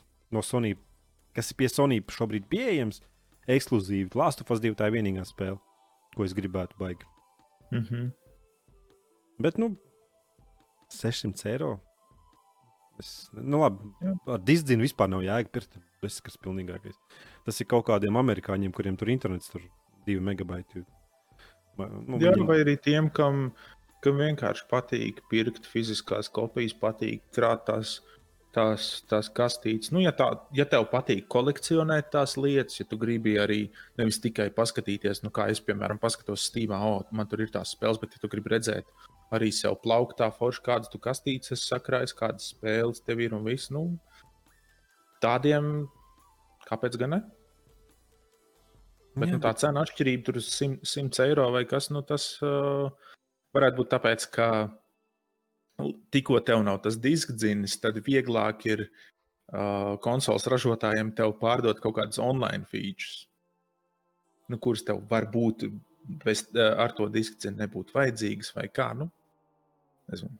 Gan jau tur ir kāds iemesls, gan jau tas iemesls nav tikai, tikai dzelžu ziņā, jo, jo noteikti tie dzelži ne, nemaina Ne, bet to diskzinu ielikt, tas, tas neizmaksā 100 eiro. Nē, nu, tas gan jā. Nu, varbūt ir kaut kāds licences ir par, nezinu, Blu-ray izmantošanu. To, to, to gan es nezinu. Nu. Katrā ziņā 500 eiro ej tu nost. Baigi, viss baigi dārgs paliek. Man gan nu, gribas spēlēt piekto. To var saprast arī piemēram tādiem cilvēkiem, kas, um, kas nav tik aktīvi gameri un kas ikdienā piemēram, datoru neizmanto tik daudz, vai kam nav vajadzīgs tik jaudīgs dators. Piemēram, tā kā man ir vajadzīgs tur programmēšanai, virtuālās mašīnas un tā tālāk, man līdz ar to ir vajadzīgs uh, jaudīgāks dators. Līdz ar to tas dators var arī pavilkt tādas spēles, da, uh, daudzas modernas spēles, ka man nav tā vajadzība pēc tās konsoles. Bet tāpat laikā, piemēram, ja tu tikai gamingam kaut ko gribi, tad uh, padomā, ja tu to Playstation 5 vari nopirkt par 400 eiro, vai nu, Latvijā, pie, piemēram, par 500, vai tu par 500 eiro vari salikt uh, tikpat jaudīgu datoru. Nevar, nevar. Plus vēl tev vajag uh, labu klaviatūru un peli. Nu, jo tai konsolē jau līdzi nāk austiņas. Vai konsolē nāk austiņas līdzi? Es nezinu, tur var no telefona iesprāst. Kā tā datorā var, var iesprāst? Nu jā, bet nu, es domāju, vienkārši tas, ka ar konsoli tu dabū ko kopā. Tu dabū kaut kādu kontrolieri, nu, ar ko tu vari spēlēt reāli. Mm. Bet datoram tev jāsaliek pats dators, plus vēl vajadzīgi ir pēle un klaviatūra. Nu, tā pats minimums. Nu, monitors atstājot jau pie televizora. Nu, jā, bet uh, konsolē tev arī vajadzīgs televizors. Tāpēc televizors jau visiem ir. Tur jau, tur jau tas plus ir. Ka, nu, labi, ne visiem, bet. bet nu, Tie, kas, nu, tie, tie, kas pērk konsolēm, ir. Es vienkārši runāju par to, ka tieši pašai tai uh, konsolei, tai spēlēšanas ierīcei, cik tev nauda iziet. Un tā, ja, piemēram, tev dators nav vajadzīgs, jaudīgs, tev citām lietām nav vajadzīga tā sistēma, ja tu gribi viņu tikai spēlēm izmantot, tad, protams, tāds Playstation ir daudz gudrāka izvēle. Nu, tā. uh, Xbox Series X, jaunais Xbox. Ja? 500 eiro. Es nezinu, cik Latvijā maksās, bet ar, nu, domāju, ka 600 varētu būt. Uh, es domāju, ka tā interesantākā lieta visā tā ir, nu, ka konsoles apmēram vien, vienādā cenā šobrīd ir paredzēts. Tās krūtā veidā tur būs arī Xbox, būs kaut kāda lētā, bet tā, tā ir. Jā, bet tai būs ne tikai tas, ka nebūs disciplīns, bet arī iekšā tur video karte un viss tas būs daudzkārt mazāks nekā jaudīgi. Tas nekā hmm. top modelim. Tas gan tāds interesants pieejams. Nezinu, kā viņi. Principā Xbox tad jau sanāk vienkārši datoru pēc. Hmm, Pēc parametriem ir, vienkārši nu, dārgāk. Tas ir drāmīgi vispār no, no spēļu izstrādes viedokļa. Ziniet, kā visu laiku, visu laiku konsolēm tas, uh, tas uh, savā ziņā tehniskais, nezinu, ja to varētu saukt par pārākumu, bija tas, ka no, no izstrādātāja viedokļa, ja tu veido spēli konsolē, tu vienmēr zini, kādi dzelži spēlētājiem būs. Tu zini, tev būs tavai spēlei jādarbojas uz vienu video karti, vienu procesoru, vienu operatīvās atmiņas daudzumu. Bet, uh, veidojot spēli datoram, tev ir jāpārliecinās kā izstrādātājiem, ka tavs spēle darbosies uz, nezinu, 20 dažādām video kartēm, 20 dažādiem procesoriem, tev ir vajadzīgas opcijas, lai tu vari pieregulēt to spēli. Katrai sistēmai, lai spēlētāji uz jaudīgākiem eh, datoriem var dabūt labāku grafiku, uz vājākiem datoriem var tik un tā dabūt kaut kādus pietiekošu kadru skaitu sekundē. Un tagad es domāju, ja, te, ja tie Xbox būs divi dažādi veidi, tas tas varētu nedaudz sabojāt eh, optimizācijas iespējas nu, spēļu izstrādātājiem. Vai nu, beigās var sanākt vispār tā, ka tev uh, nākotnē būs kaut kādas spēles, kas it kā domāts Xboxam, bet tev vajadzēs obligāti to Series X. Jo Series S tu nevarēsi paspēlēt to spēli, vai tu varēsi, tu bū, tev būs ierobežot kaut kāda izšķirtspēja, kādā tu vari spēlēt. Es domāju, ka tur būs vienkārši upscalings un FPS mazāks. Vienkārši. Tas ir tas arī. Nu, ķipa, Nu, jā, nu tad Vārgāks vienkārši. vienkārši tad, tad, kaut arī viņi piesaista pie 4K televizoru, mazāks FPS un vienkārši apskēlings būs lielāks. Ja lielais Xbox varēs tur no 1080p uz 4K, tad tu, tu uz mazā varēsi tikai tur, nezinu, no 720 uz Full HD palielināt. Nu, jā. un, un FPS mazāks. Uh, bet ārzemēs būs forši pieejams, ka tu varēsi vienkārši 24 mēnešiem paņemt uh, abonēšanas maksu leasingā, nezinu, kā to nosaukt. Uh, maksāt savus 40 eiro vai cik tur bija 35. Ne, neatceros. Nav pilnīgi svarīgi, kāpēc Latvijā tā iespēja nebūs pieejama. Un, principā, maksāt mēnešu maksu, saņemt Xbox, uh, Game Pass, laivu un konsoli. Un vienkārši ieeja veikalā pa 40, pa 40 rubļiem, paņem Xbox ar, ar kā, nu, līgumu vienkārši un maksā. Un Jā, spēlē. Bet, pag, pag, pag, bet tu to vari izdarīt jebkurā veikalā. Uh, jā, bet tas ir no oficiāli no Microsoft. Es nezinu, kāda tur starpība ir. Varbūt tur nu, tur nepārmaksā, un vienkārši tas, tev ka ir, iek, iekļauts ir tas Game Pass. nu, Jo tev ir pašu konsoli jau jeb, jebkur var nopirkt, paņemt kredītā uz diviem gadiem un maksā par to konsoli. Un pēc tam tu uzliec, lai dabūtu to Game Pass, kurš, man liekas, cik es esmu dzirdējis, Latvijā nav, nav pieejams vai kā.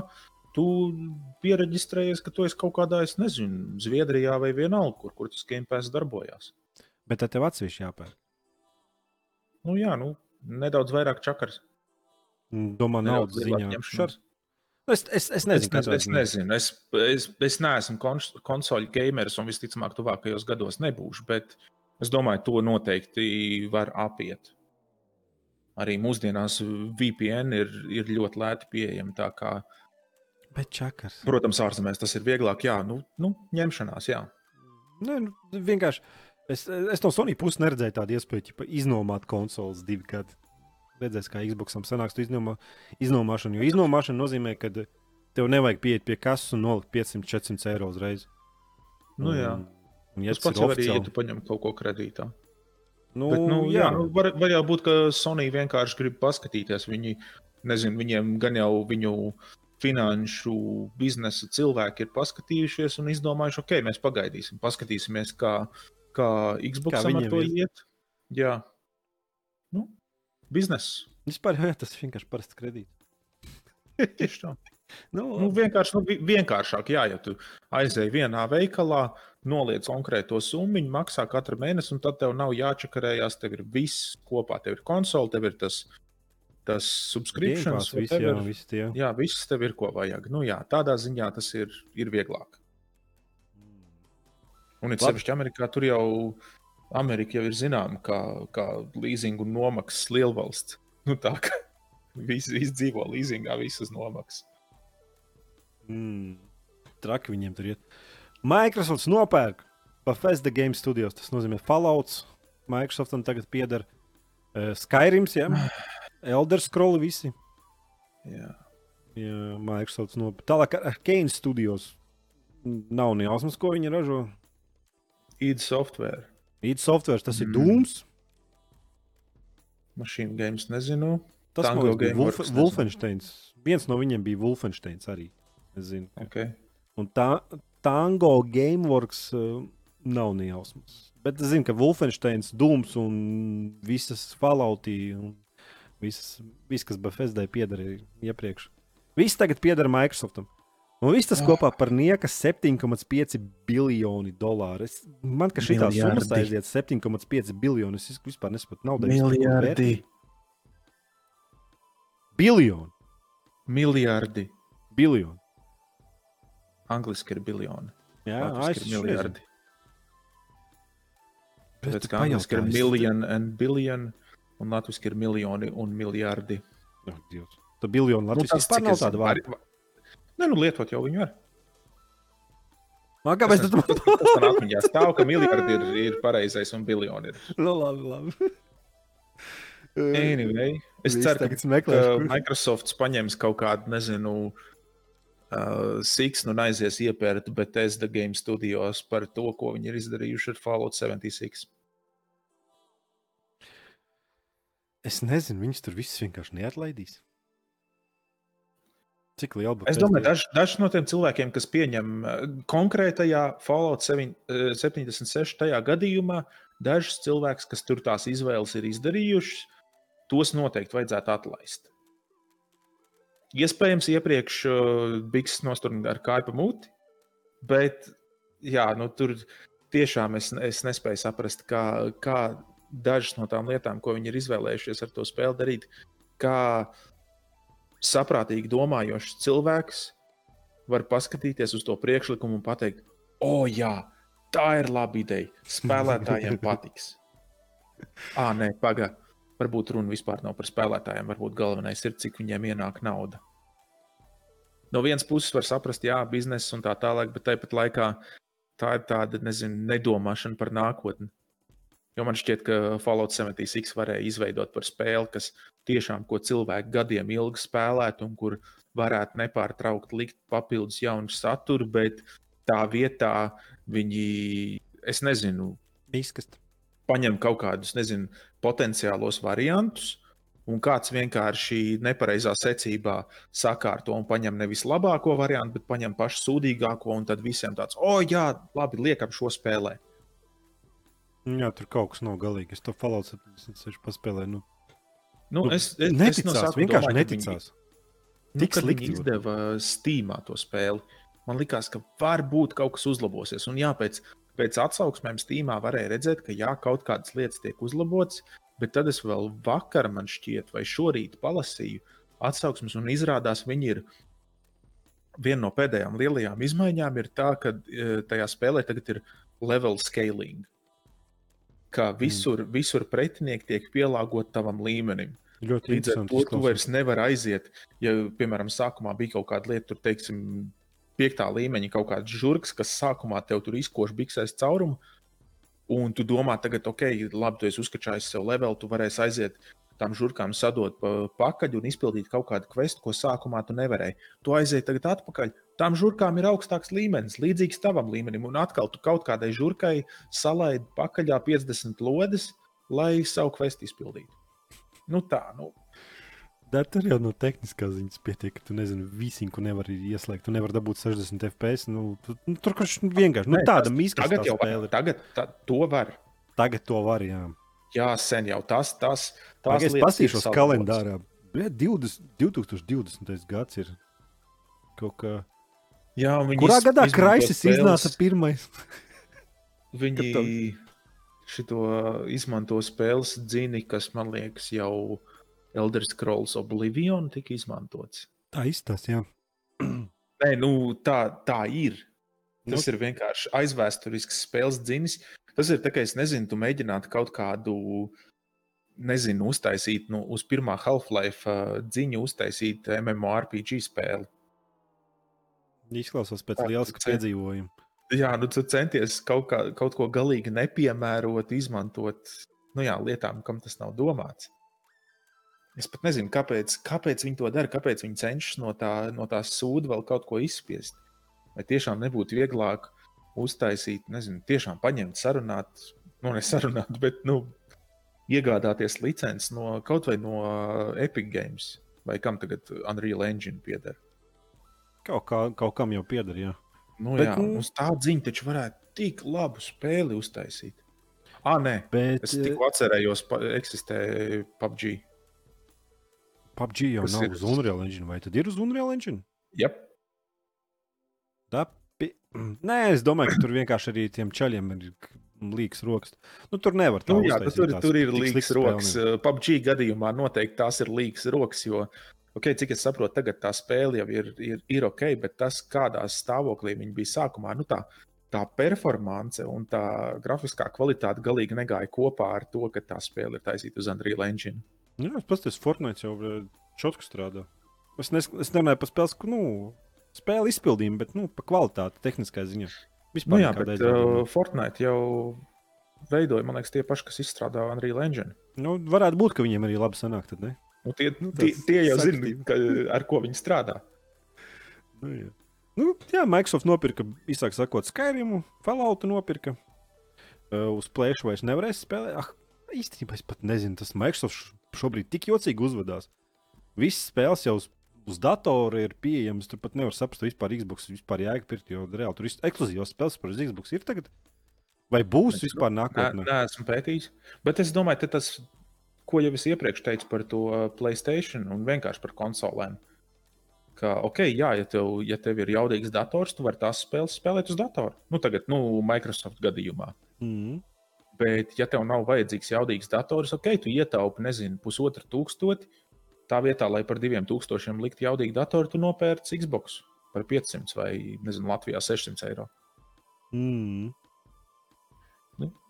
Tad jau redzēs, kas būs, ko, ko Microsoft izdarīs ar tām, ar tām spēlēm. Var jau būt, ka viņi vienkārši tas bija tīri biznesa, vienkārši pirkums, un var jau būt, ka viņi būs labi cilvēki un ļaus, ļaus tām studijām darīt to, ko tās studijas dara. Bet, bet kādam biznesa lēmumam jābūt, lai pirktu Bethesda Games studijos? Es, es nerūpēju. Viņi tur pēdējos gados taču nu, pilnīgākā pakaļā ir. Nu, tur, Jā, Es bet nezinu, nākošais, pēdējais. Fallouts 4, jā, viņš šarts, nu, nemaz tik labs nebija. Es nezinu. Bet viņu pirka. Nē, nu, pirka, jā, bet vai nākošo pirks? Hype, hypes par nākošo Elder Scrolls tāpat ir. Nu, tas gan jā, piekrīt. Tur es, es, es vēl joprojām domāju, ka tur Microsoftā ir cilvēki analizējuši to, izplānojuši, kā izskatās, un viņiem, nu, ja viņi par 7,5 miljardiem tās studijas ir iegādājušies, nu, tā tad viņi noteikti kāds tur ir aprēķinājis, ka, ka viņi to naudu atpelnīs. Labi, konformi. Jaunais. Skyrims, otrais Skyrims būs pieejams tikai uz Xbox jaunās konsoles un nekur citur. Jā, Arī ne uz datoru. apstiprināts. Uz datora arī nebūs tikai uz Xbox jaunās konsoles. Jo tā tā konsole notirgosies tur vienkārši. Tādi, jā, tad, tad pat sūrākie, sūrākie datoru entuziasti, kas, kas vis, visu laiku ir nolamājuši konsoles, tad pat tie zaudēs savu konsoli nevainību. Vienīgā problēma, ka Microsoft par to dabūs tāpā, nu, klausīties un pārmetumus un PR man nightmares tas būs. Vai viņiem tas, vai viņus tas uztrauc? Nu tā, ja tu, ja tu brauc ar, ar krūtu Lamborghini pa pilsētu, vai tev uztrauc, ko, ko apkārtējie domā, ko viņi par tevi saka? Jā. Nu, tas es tu, tu neesi Microsoft. Jā. Amazons izdevās kārtībā spēļu servisu ar nosaukumu Luna. Tas ir tāds pats kaut kāds online servis. Pitīt matos kaut vienu. Es, es, es ielikšu to te, šito te, tā kā, tēmu iekšā tikai tāpēc, ka tu kaut vienu esi servis spēlējis, kas ir nu, kaut kur tīklā. Man kaķis sauc Luna. Nu, re. tas, ir no, tas nav no Salamūna. Se, Nē, vienkārši mēs, mēs, mēs to kaķi dabūjām ar tādu vārdu no patvērsmes. Bet nē, es neesmu nevienu no tiem servisiem izmantojis. Nu, jā, nu, ko var teikt? es vienkārši, ka nu, var, varbūt kāds domāju, klausītājs. Tas, tas uzlabos to servisu kopumā. varbūt kāds klausītājs lieto kaut vienu no šiem online servisiem, kur tu samaksā naudu un spēlē uh, datoru kaut kur, kur tev dators stāv citā vietā, nezinu, uz telefona. Bet tas ir tāds gimiks vienkārši. Nu, tāda čērņa pilnīgi nespēlējama. Es pat no Nvidias, no Google mēģināju, un bija vēl kaut kāds. Nu, labi, Sony konsoles tas tur vispār neskaitās. Tas pilnīgi kā nu, neviens no viņiem normāli nestrādā. Un par patīkamu nu, laika pavadīšanu es neuzskatu. Labi, tur nav ko tālāk runāt. Amazonai jau ir. Amazonai jau ir visā pasaulē jau tie visādi web servisi. Nu, Viņiem tas jau ir serveri un tādas lietas, viņiem ir infrastruktūra. Līdz ar to potenciāli viņiem, viņiem ir potenciāls izveidot labu sistēmu. Bet, viņiem jā. arī nav tā, ka viņiem naudiņu trūktu. Bet Google arī tikko izdeva savu servisu. Kurš izgāzās? Es nezinu, viņš vispār, viņš vispār vēl strādā. Ne, nevarētu. neesmu pretīs, neesmu ie, ieinteresēts viņos, bet es uzskatu, ka tas, ir, uh, ka tas ir labi, ka viņi veido kaut ko mēģina un dara. Jo tas tomēr veicina konkurenci un, un motivē tās kompānijas kaut ko uzlabot. Es nezinu, vai es kādreiz vispār izmantošu tādu servisu, bet es varu Jā. arī saprast, nu, piemēram, ja, ja tāds servis darbojās, tad, uh, tad vienkārši padomā, cik ilgi tev ir katru mēnesi par viņu jāmaksā, lai tev atmaksātu, nu, lai tu sasniegtu iztērētos naudas daudzumu tādu, kas tev, cik tev izmaksātu pašam uztaisīt gaming kompi, kurš var pavilkt tādas spēles. Jā, bet tu nevari no telefona spēlēt. Nu, vai, vai tu gribētu uz telefona Nē. spēlēt Counter-Strike? Nē, negribu. Četros kadros? Negribu nekādā gadījumā. bet tu nevari. Nu, šis, šis atkal ir uh, varbūt uh, vairāk. Kā, nu, kā pirms tam es teicu par tām konsolēm, ja tev nevajag datoru. Bet šis varbūt ir uh, otrs risinājums tiem, kam ir vājš dators, bet kas nevēlas pirkt konsoli spēlēm, kas grib izmantot to pašu vājo datoru un lai viss tā spēļu renderēšana viss notiek Amazonas mākonī. Nu, tādiem cilvēkiem arī, arī šī tāda servisa noder, un es domāju, tādu cilvēku nav, tādu cilvēku pasaulē netrūkst. Varētu būt, jā. Jo tāda servisa līdz ar to viņi ir nepieciešami. Un, jā, kā jau teicu, tad uh, labi, ka Amazon veido un Google, nu labi, vairākas no tām kompānijām izgāzīsies. Viņiem sanāks sūdīgi tie servisi, vai arī, ja servis būs labs, viņš neatmaksāsies vai kā, bet nu, ar laiku tas, tas motivē viņus attīstīt tās tehnoloģijas. Un, un, nu, cerams, nākotnē arī tiem, kas, kas varbūt nevar atļauties jaudīgu datoru, viņi tik un tā varēs, varēs spēlēt labas spēles, pateicoties šādiem servisiem. Nu, ko? Iesim pie komentāriem. Ak, Vai arī cik viņi tur būtu? Pirmais komentārs no Play for Fun. Dalā beidzot. Neizlasīju pareizi. Dalā beidzot O apakšsvītra O. Jā. Līdz šim pat nebija jāgaida ā, četri gadi. Tikai trīs mēneši. Tas, nu, re rezultāts. Uz acis redzams, rezultāts uzlabojās. Jā. Vienkārši augam. Rūs, rūs esam noskrāpējuši nost. Jā. Tad jau, Afra tad jau Fatman. uz nākošo varēs nogruntēt, un tad varēs vispār pulēt, un viss būs labi. Jā. Afrofatmans raksta, what the fuck, kā jau yes, yes, yes, yes, yes, yes, yes, yes, izsaukuma zīme, kas notiek. Izsaukuma. Uh, kā tu atbildēsi? Kāda ir tava atbilde uz šo komentāru? Dusmīgais onkulis beidzot noķēra Edgars. Mm. Tas notiek. Šārpens raksta maču wow. Ūdenzirnis atbild ar lielo W un mazo O un vēl vienu V. Juris Kalniņš raksta, klasika melodijas back with a woo voice. Jā. Tā neviena jautājuma nav. Ā, nē, reku būs. Viens Cilvēki laikam. priecājas. Jā, we back Emīls raksta. Vito mēs nelasīsim. Kāpēc viņš pašs nav nobanots vispār? Es nesaprotu. Um, Kulvers la- raksta. Ir labs. Ceru, ka podkāsts nepazudīs atkal četriem gadiem. Uh, Cerības piepildījās. šīs skaistās nots. Tas brīdis beidzot ir klāts. Tas skaistās nots, četri gadi. Jā.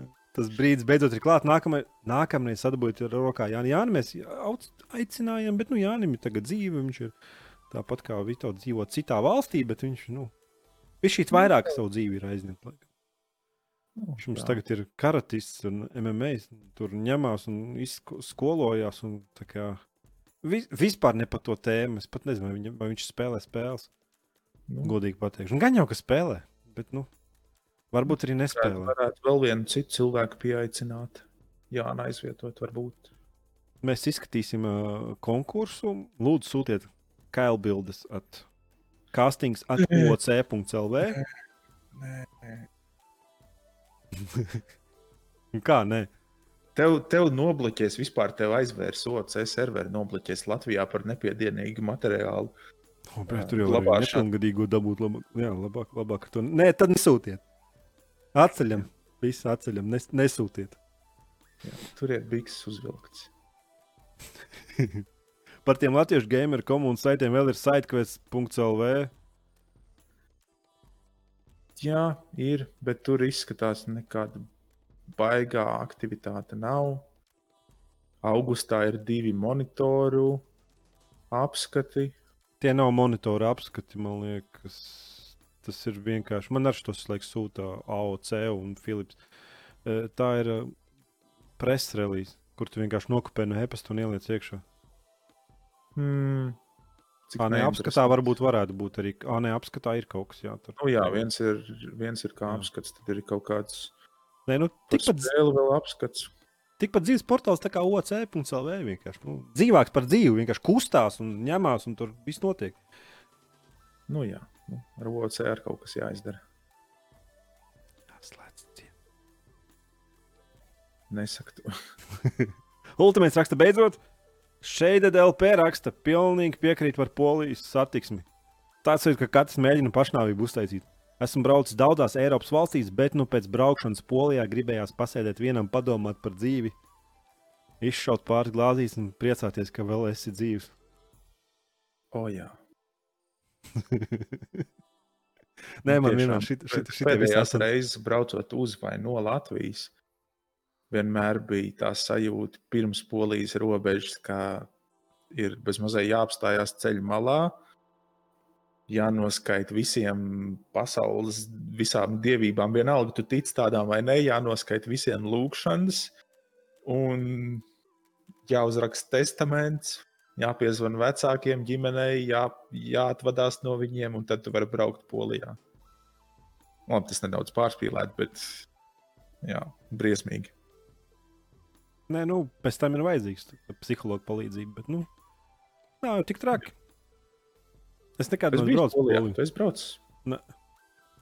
Es nevaru iedomāties, kas var būt tik traks. Tur. Ne, nu, Tā es nu nezinu, vēl. vai es iepriekšējā podkāstā jau teicu, Mēs jau jā. Tur vienā pilsētā man cilvēks, viņš gaidīja vairākas sekundes pie gājēja pārējais, kad es biju apstājies, un tad viņš man paklanījās. Mm.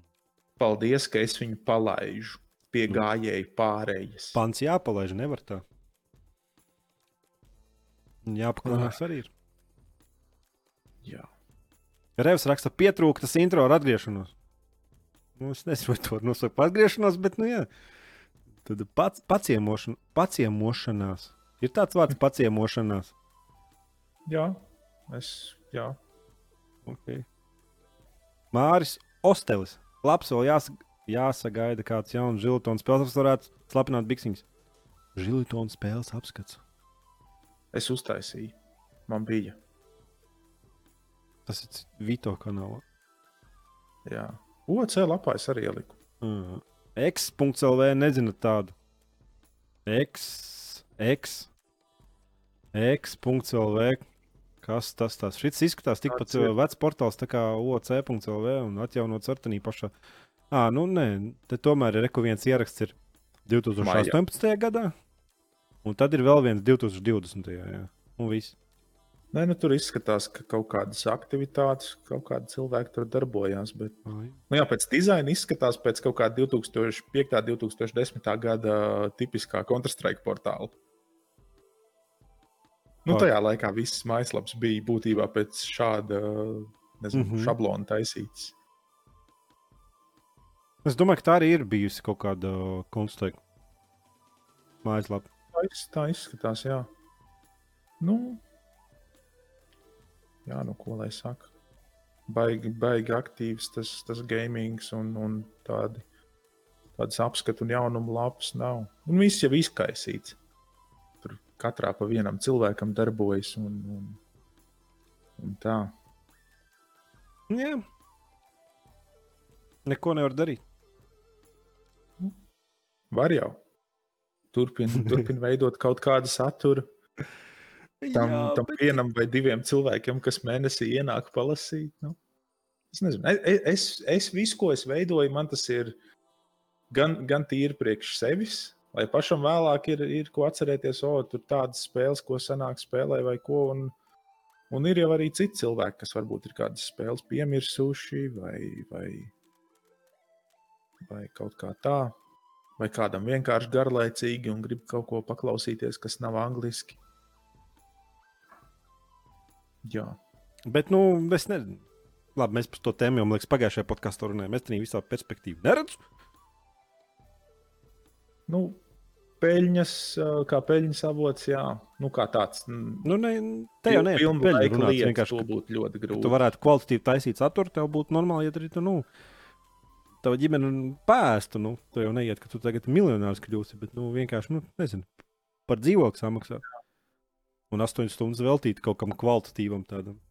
Nu, Nav Es, iespējams. es šobrīd to, to varu izdarīt. Es to cenšos arī darīt. Tā, es ļoti daudz laika tajā ieguldu, bet tas ir tīri tāpēc, ka man ir tas laiks, un es saņemu naudu no kaut kā cita.